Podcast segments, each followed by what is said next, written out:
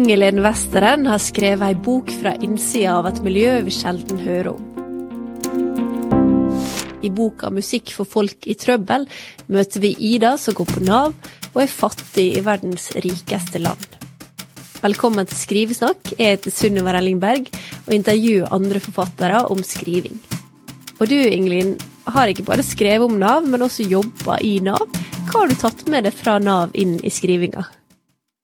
Jeg tatt med meg inspirasjon fra jobben eh, og fra eh, menneskemøtet som jeg har opplevd som Nav-veileder.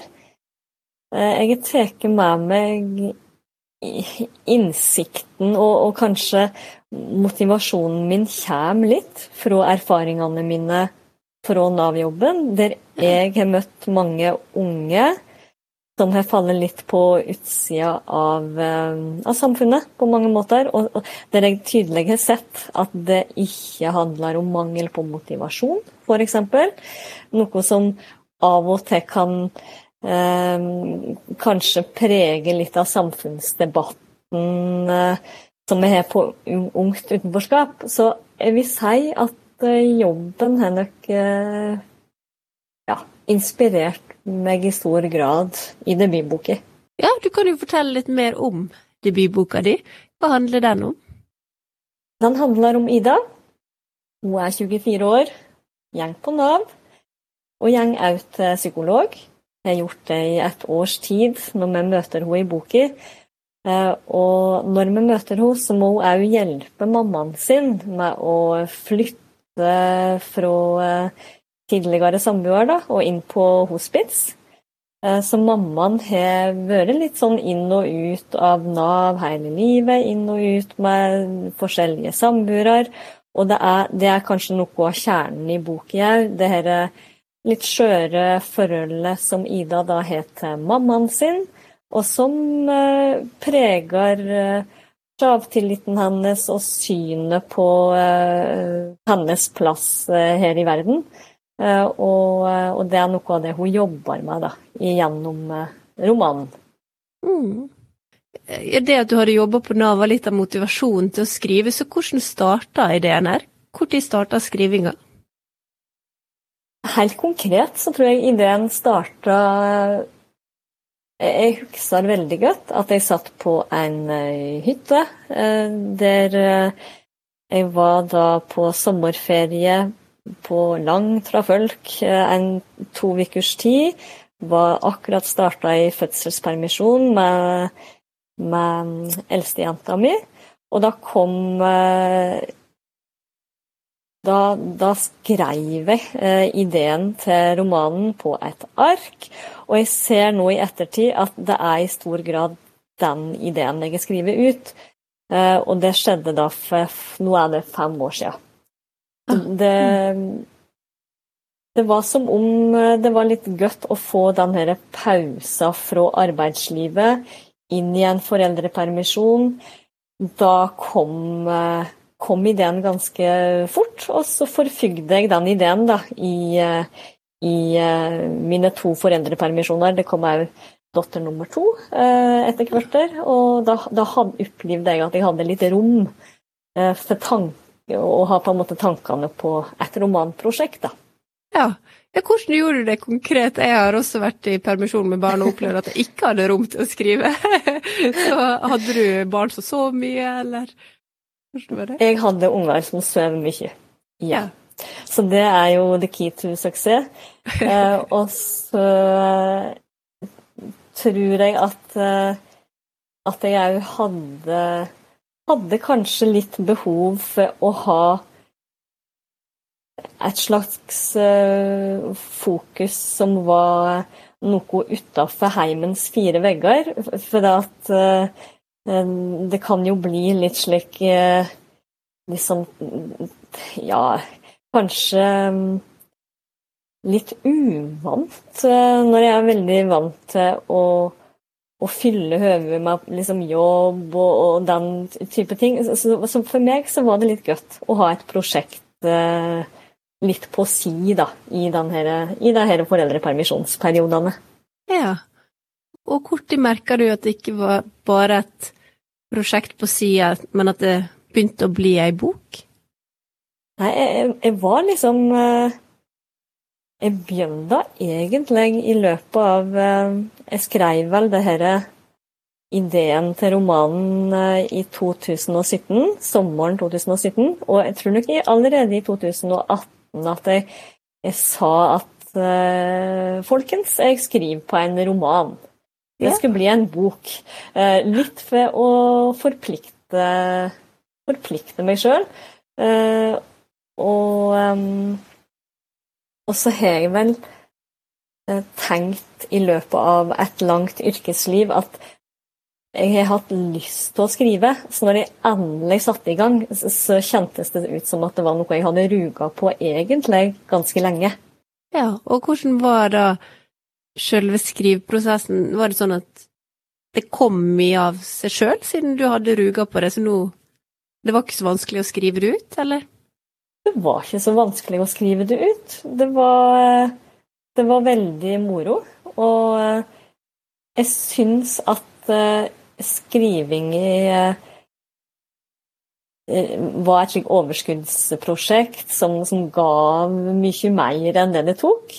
Eh, og så var det jo i eh, sluttfasen, da når på en måte mye av det kreative er lagt, og liksom når man skal begynne å redigere og, og liksom kutte litt, og, da kjente jeg jo litt på det her med å være litt uerfaren forfatter. Syns det var litt vanskelig, det støppa litt opp. I den fasen bruker jeg ganske mye krefter og ganske lang tid. Ja. Mm. Og hva, hvor tid kom den fasen? Du sa at det hadde tatt ca. fem år. Ja, den fasen kom nok i 2020. Eh, og da føltes det for meg som at boka var ferdig, nå var det bare å få gitt den ut. Men så tok det likevel to år med en del eh, redigering, og jeg ser i ettertid at jeg lærte mye av, eh, av den prosessen. Og ikke minst så lærte jeg, som ikke har skrivebakgrunn eh, eller eh, har lært uh, teknikker for å skrive. Jeg lærte mye av tilbakemeldingene mine, eh, nei, tilbakemeldingene fra redaktørene mine. Mm. Og så de to siste årene der, de var litt seige, men lærerike. Ja. Kan du dele litt av hva du lærte? Husker du det? Jeg lærte at uh, Jeg lærte jo de banale tingene. Det her med at jeg må hele tida kutte ned, og det er vanskelig. Eh, eh, og, så er jo det her eh, som handler om fortellerteknikk, at jeg har jo lyst til å på en måte leie leseren mine til å forstå akkurat hva jeg mener, og at at det viktige likevel er å ha litt bremsen på og la leseren få gjøre opp sin egen mening. Um, og det hele tinget med å vise fram, da, i stedet for å fortelle, det var ting som ikke falt direkte naturlig for meg. og jeg fikk veldig mye tilbakemeldinger fra redaktørene på akkurat de tingene, gjennomgående.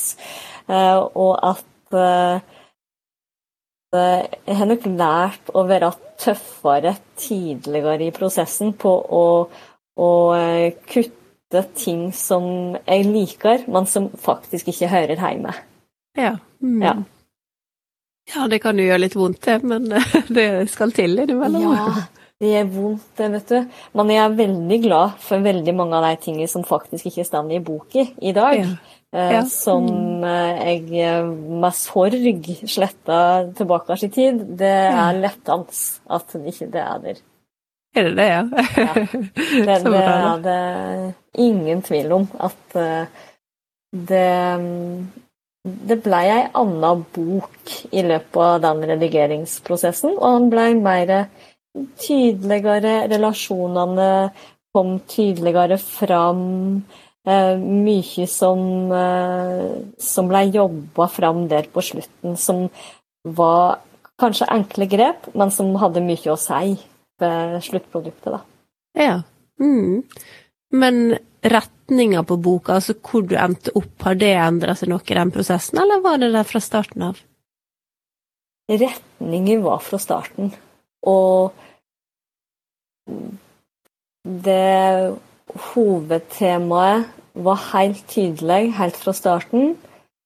Jeg var Jeg har nok hatt en slags um, Et behov for å formidle det her med et litt nyansert blikk på ungt utenforskap, der ressurs, ressursene til den unge kommer fram.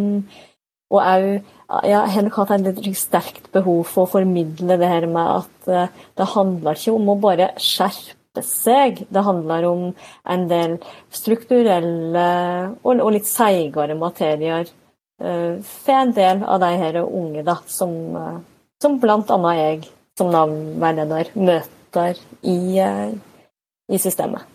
Ja. Eh, og har du noen gang vært redd for at noen vil tenke at du har skrevet om deg, eller sånn, at du måtte holde det litt unna virkeligheten? Jeg tenkte eh, på det i starten av prosessen, og det som er litt rart når når eh, jeg satt i gang å skrive, er jo det at hovedkarakteren er på en eller annen merkelig vis en karakter som lever sitt eget liv, og som, som etter hvert som jeg skrev, òg blei noe helt annet enn eh, noen jeg har møtt.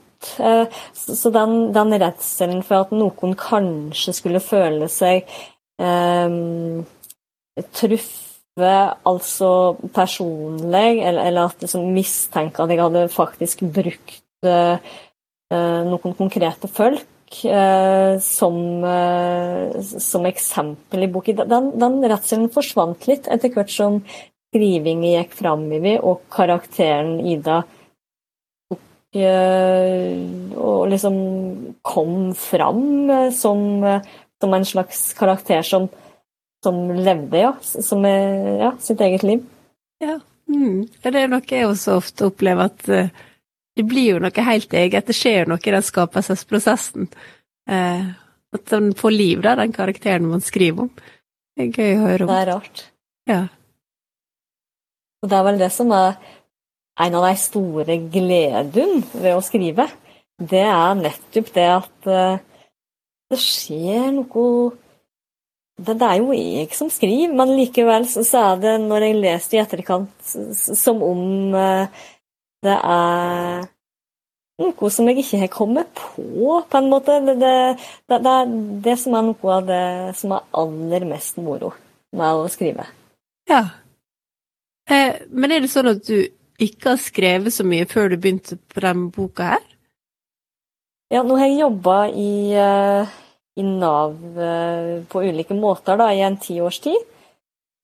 tid. og det er Det er jo en slags eh, litt mer byråkratisk sjargong der, vil jeg si.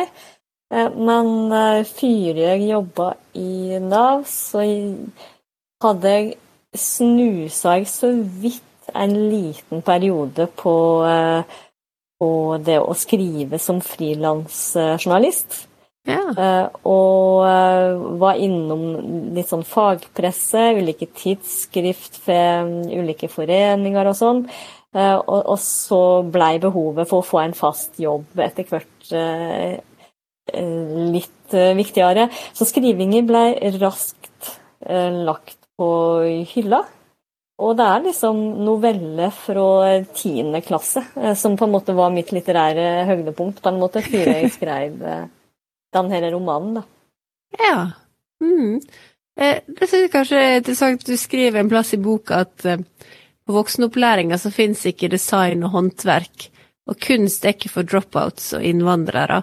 Og det er kanskje litt innenfor nå når du sier at ja, du måtte ha en fast jobb. Altså, det er jo et privilegium, det å ha tid og råd til å skrive. Eller hva tenker du om det? Ja, uten tvil. Det er det det er et privilegium på, på, på, mange måter. For en, eh,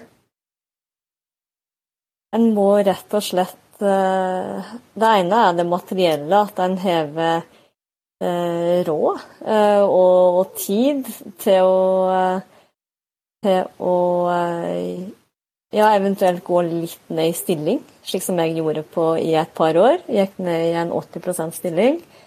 og det andre er jo at en skal ha overskudd, og det betyr jo at en um, ja, på, på, på, mange måter kanskje eh, ikke har det her hverdagsstresset eh, som en del mennesker står i, og om det handler om mangel på jobb eller dårlig økonomi eller andre ting, så vil det ofte liksom ligge og da eh, blokkere for nettopp det her overskuddet og muligheten til å skrive, da. Så eh, det er, det er et uh, privilegium å få løft å skrive. Mm. Eh, opplevde du på Nav at det var mange som Ida som Hun er jo veldig god til å tegne, og kunne kanskje gjort det stort innenfor tegning på en eller annen måte, laga tatoveringer eller hva det nå skulle vært, men at når man da går på Nav, så er det vanskelig å ha muligheten til å gjøre noe sånt kunstnerisk, da. Um, jeg opplevde at det var mange som hadde en sånn interesse. Mm. Det Ja og nei. Altså, det er vel eh, Jeg tror nok at det er nå er jo jeg opptatt av eh, strukturer og klasse, ikke sant. Og, og Ida kommer jo fra en bakgrunn der det er litt sånn fysisk slit og litt mangel på ressurser og økonomi, som på en måte preger litt hverdagslivet. Eh, og, og, og da er det jo eh, ikke det som er framerst i pannebrasken, og på en måte realisere seg sjøl kunstnerisk. Det er jo oftere knytta til et middelklasseliv. Eh, og det er Det er litt mer den inngangen eh, som, som eh, preger boka, at klassebakgrunn òg spiller litt inn på hvordan livsutfoldelse eller mulighetsrom ulike folk opplever at de har, eh, og faktisk konkret har, ja. Eh, og i eh, Ida sitt tilfelle så har jo hun gjenget på sosialhjelp i noen år, og da er det jo slik at hun det er meint som en midlertidig ytelse. Hun må egentlig finne andre måter å forsørge seg på. Og det, da er det jo mer nærliggende å få seg en jobb på Rema 1000 eh, enn å på en måte sette seg ned og, og studere kunst.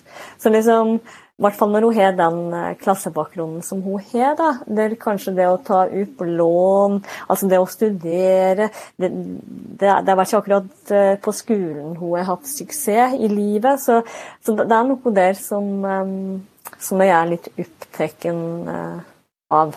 Ja. Mm. Ja. Og jeg opplever også at det er et håp mot slutten der, at ting kanskje løse seg litt for henne? ja, eh, det Jeg vil si det er en eh, roman om håp, og det er ingen tvil om at eh, Ida, hovedpersonen, hun har mange ressurser som kommer til å komme godt med i livet. Og hun eh, på vei dit at hun begynner å bli sett òg av eh, sine omgivelser, og det er vel da ressursene hennes òg kan begynne å, å blomstre, da, når hun, eh, når hun eh, kommer i møte med mennesker som faktisk ser, ser hun for den hun er. Og det, mm. det Jeg tror det kommer til å gange bra med Ida på, på sikt. ja. og um er dette her eh, noe du opplevde også når du jobba på Nav, at uh, Altså, det løser seg i flere okay. Ja, jeg, jeg opplevde jo Altså, nå, nå, blir det jo veldig mye vekt på, på og det legger jeg jo opp til sjøl, liksom at jeg har erfart i jobben og slik, men òg på privatbasis og som privatperson erfarer at Altså, folk altså, har en evne til å, å stå i uh, trøblete situasjoner, komme seg igjennom, finne styrke på et eller annet vis. Uh, og at en som medmenneske, eller som Nav-veileder, eller som venn, kan rett og slett være vitne til at det ser svart ut, men fy søren for noen krefter en kan mobilisere når en, mm. når en faktisk har det, det, litt tøft, da, slik som mm. Eh, Ida, Ida har. Og at hun um, bare gjennom å få litt, litt støtte uh, Trenger ikke være enormt, men kjenner litt form for støtte, og at det kan være det lille som på en måte vipper lasset i rett uh, retning, da. Mm. Ja. Og der har vi jo en rolle å spille alle, både som medmenneske og, og vi som jobber i, i, uh, i det offentlige, da. Mm. Ja, helt klart. Eh, hvem er liksom idealleseren din av den boka her? Mens du tar den opp? Ja, nei uh, Idealleseren min, ja. Nei, jeg skulle jo gjerne Kanskje rart eh, navn. At uh, jeg, jeg har prøvd å skrive ei bok som er tilgjengelig for folk. Og jeg skulle ønske at noen unge, faktisk, som kanskje hadde kjent på litt av de samme utfordringene som Ida gjør, han har leser bok i. og eh, det er den, den ene idealleseren, eller hva jeg skal si. Og de andre er jo de som eh, ja, som jobber med, med, unge. Det har jeg jo lyst til at, at jeg skal lese bok i. det er nok de som jeg har tenkt mest på, ja, som, som lesergruppe. Mm. Har du fått noen tilbakemeldinger da fra noen i de gruppene? Eh, ja, jeg har fått en del tilbakemeldinger, og det mm, Noe av det som jeg har satt litt pris på for Høyre, er det her med uh, noen har kommet og sagt at ja, uh, at boka kan liksom ha fått fram det her med å ja, det er liksom ikke bare å skjerpe seg. Det handler om litt skikkelig sjøltillit. Og det, det, det, er egentlig et ganske grunnleggende eh, ting i livet til mennesket som ikke går på en måte bare knipser på plass. Det er, det er noen tilbakemeldinger som jeg har fått, eh, at, at boka bidrar da, til, ja. til, til, litt innsikt rundt det. Og det har jeg eh, det setter jeg stor pris på. Det, det syns jeg er moro. Ja, så fint. Eh, ja, like før boka kom ut, da, eh, hva kjente du på av følelser da? Da var jeg nokså um, ambivalent, egentlig. Jeg, mm. jeg, tenkte på den ene sida at yes, det her blir jo sikkert uh, et knallgjennombrudd. Det her blir jo helt, det blir jo helt enormt stort. Eh, og så på den andre sida eh, overbevisning om at oi, det her er egentlig bare en tullebok. Eh, som jeg, jeg, tror jeg avlyser hele bokbadet, for alle kommer til å avsløre at det her egentlig eh, ikke liksom henger helt sammen. Så litt todelt. Eh, og,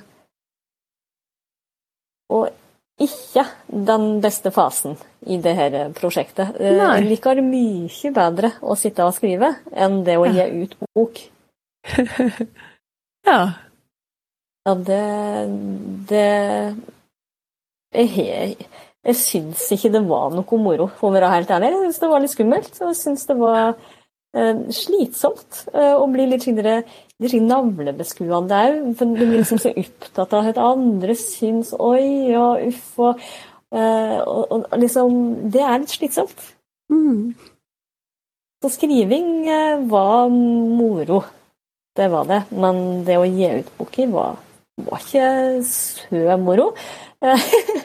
Men eh, Og så kom det noen opptøyer og litt eh, etter at jeg ga den ut. Så alt i alt så er det det som er målet.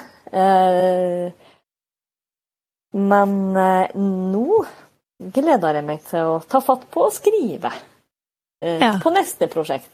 Ja. ja. Hvordan er hverdagen din nå? Er du hjemme i permisjon, er det derfor du skriver? Eller Nei, eh, det blir ikke flere unger her i huset. Eh, men eh, jeg, nei, jeg jobber. Jeg jobber på det lokale Nav-kontoret her i Bø. Ja. Og jeg flytta fra Oslo for et par år siden. Kjøpt et oppussingsobjekt og driver på med, med å ja, pusse opp eh, alle mulige rom og jobbe. Og så har jeg da en uh, liten plan om å snart kanskje begynne å skrive litt på kveldstid etter leggetid. ja. Mm. ja. Det høres ut som det er litt fulle dager akkurat nå, i hvert fall. Men at det Ja. Det er Og uh, jeg har en femåring og en treåring, så det er liksom fokuset er jo veldig på, uh, hver hverdag og en skal tegne og perle og vaske klær og slike ting. Mm. og så er det begynner jeg kjenne at det hadde vært litt fint å fenge et eget prosjekt på plass. men da, da, blir det litt slik på, på i de litt seine kveldstimer, da. Ja. Og du trenger ikke å si så mye om ideen, det er opp til deg sjøl, men har du noe konkret du har gått og tenkt dette her har jeg lyst til å begynne på? Ja, jeg har det. Men det er ikke like konkret som det var den gangen i 2017, når jeg skrev eh, ideen til debutromanen. Nå tør jeg ikke å si hva jeg skal skrive om, for jeg tror Nei. det kan forandre seg. Ja, ikke sant. Når du da skulle ta kontakt og få ut den boka her, var det lett for deg å vite hvem du skulle sende inn til og sånn? Hvordan visste du gangen til det skulle bli bok? Du, for å være helt ærlig, eh, så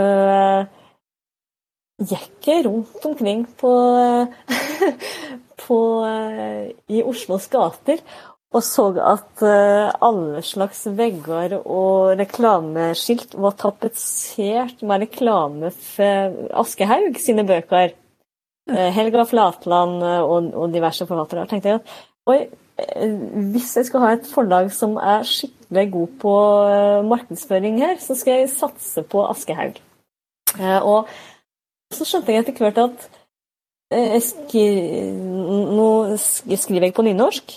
Eh, og, og så blei jeg tatt, eh, tatt, opp til et slikt manusseminar eh, for folk som skriver, men som ikke er forfattere, i regi av Samlaget.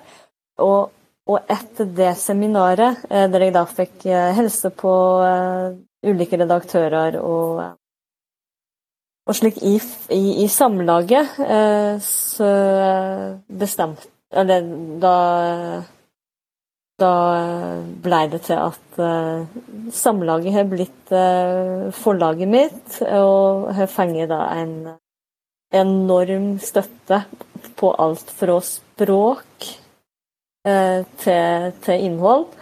så det ble et naturlig valg etter hvert. Ja. Mm. Og hva er det som har overraska deg mest med å gi ut bok? Jeg tror jeg ble litt overraska over at det var litt vanskelig. Ja, ja for det virka som du hadde sånn 'Dette skal bli bok', og så Ja, hadde liksom ja. så driv og syntes liksom at det var så greit å skrive, og, og så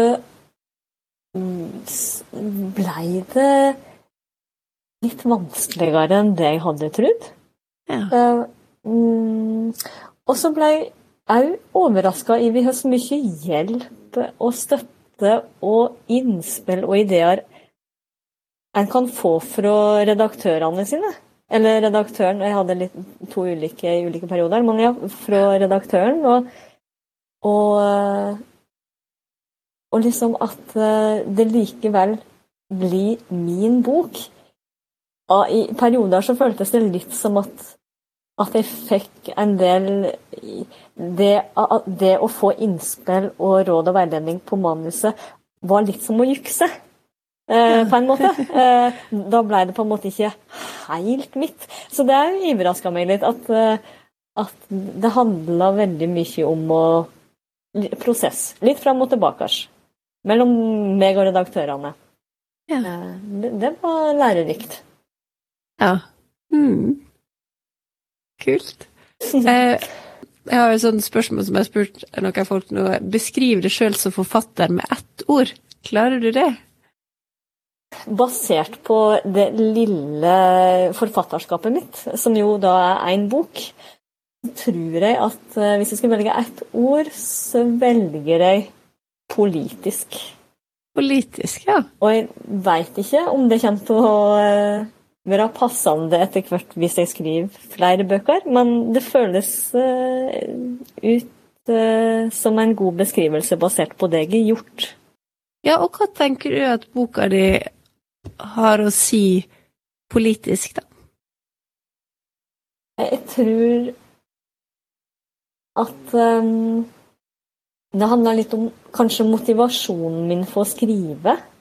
Meg som forfatter. At det kommer fra uh, et behov for å rette søkelyset mot uh, noen samfunnsutfordringer. Noen samfunnsstrukturer.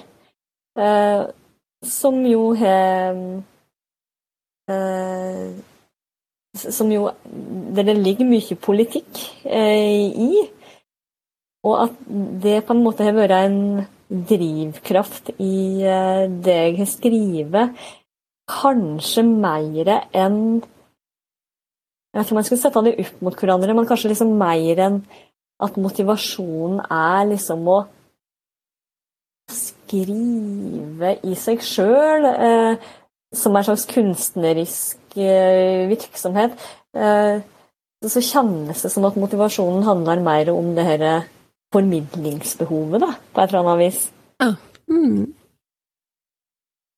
Så det, det, er vel kanskje det jeg legger i det, at uh, jeg vil beskrive meg som politisk. Kanskje det fins andre ord som, som dekker det bedre.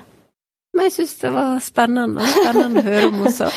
Og har du gjort deg noen tanker på hva som hva endringer samfunnet kunne gjort, eller sånn som ville gjort det lettere for de som faller utafor? Det handler i stor grad om eh, Ja, oi, det, det, er jo så stort spørsmål. Mm. Uh, og, og, nå er jeg på en måte så langt inn i min uh, hver, hverdagsrutineboble. At jeg på en måte Når jeg plutselig skal svare på litt store spørsmål, så må jeg på en måte skru på det her Hva er det jeg sitter og tenker på? Um, men uh, jeg er opptatt av uh, både Nav, der jeg jobber sjøl, og jeg er opptatt av norsk skole. Uh, og, og, jeg er jo opptatt av fordelingspolitikk. Og eh, jeg, jeg, tror at eh, mye av eh, de utfordringene vi har i samfunnet, bøtner eh, i eh, klasseforskjeller, og at, og, at, skolen ikke har tatt inn over seg mandatet sitt til å bidra til å jevne ut og få fram ungers ressurser uavhengig av høsten, om de ressursene er av akademisk eller ikke-akademisk art. Eh, og at det kan på en måte mm, forsterkes av slike eh, politiske føringer som at alle lærere skal ha firerkrav i matte, f.eks. Ja, Hvorfor skulle de det? Er det ikke lurt at noen lærere nettopp vet hvordan det er å ikke få til ting på skolen? Mm. At det er de praktiske egenskapene som òg skal legges stor vekt på i undervisningen. Det, er noen ting der som jeg tenker at uh, storsamfunnet kan ta tak i. Uh, så det, det, er i hvert fall eh, et forsøk på et svar på det store spørsmålet.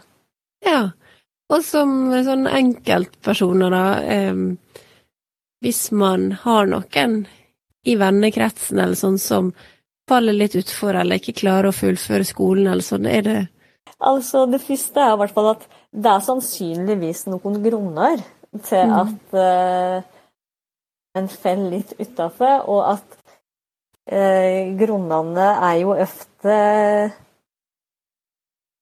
kan jo være godt kamuflert, uh, og kan kan eh, være liksom litt vanskelig å få øye på når det på en måte flettes litt sammen med slik som det gjør i boken min, da, at det flettes sammen med en litt lang historikk og en bagasje som handler om ganske mange år med litt manglende mestringsopplevelser, mangel på bekreftelse Ja, det er liksom litt vanskelig å peke på at der er årsaken. Eh, og det er en god grunn til å falle utafor. Men i hvert fall det å, å ha med seg at uh, det er vi, for all del eh, ikke end opp med slike setninger som at er det ikke bare å få seg en jobb, eller er det ikke mm. bare å skjerpe seg? Da hadde jo personen selvfølgelig gjort det for lenge mm. siden. Eh, så det å, å på en måte mm, få lirt av seg slike setninger, det, det er bare ikke akkurat eh, det vennen du har i den situasjonen, trenger å høre, da. Nei. Mm. Hvis du skal gi noen tips til andre som drømmer om å bli forfatter, hva skulle det ha vært? Ja, det er Et tips er jo å uh, få unger uh, og gå i fødselspermisjon. jeg veit ikke om det er et gyldig prinsipp for alle. Nei, men uh, jeg har trua på det å, å skrive om Gjør det enkelt, skriv om noe du kjenner, er engasjert eh, i. Eh, og eh, nå er jeg kanskje litt av den i overkant planmessige sorten, men det å faktisk eh, lage en toårsplan, slik som jeg gjorde Jeg skulle ha et manusutkast ferdig da. Ja, ja du lager deg en plan? Mm. Jeg hadde en toårsplan. Eh, der, eh, fra jeg starta å skrive. Så jeg trodde det skulle bli bok i 2019. Men det, førte i hvert fall til at jeg på en måte uh, tok prosjektet mitt alvorlig. Ja, ja, det er jo et tips. Ta prosjektet mm. alvorlig. Ja. Og uh, det går an å si at du har tenkt å skrive bok. Ja. Ja, så fine tips. Da kan vi ta med oss det videre. Tusen takk for at du ville være med her. Det var kjekt å snakke med deg. I like måte.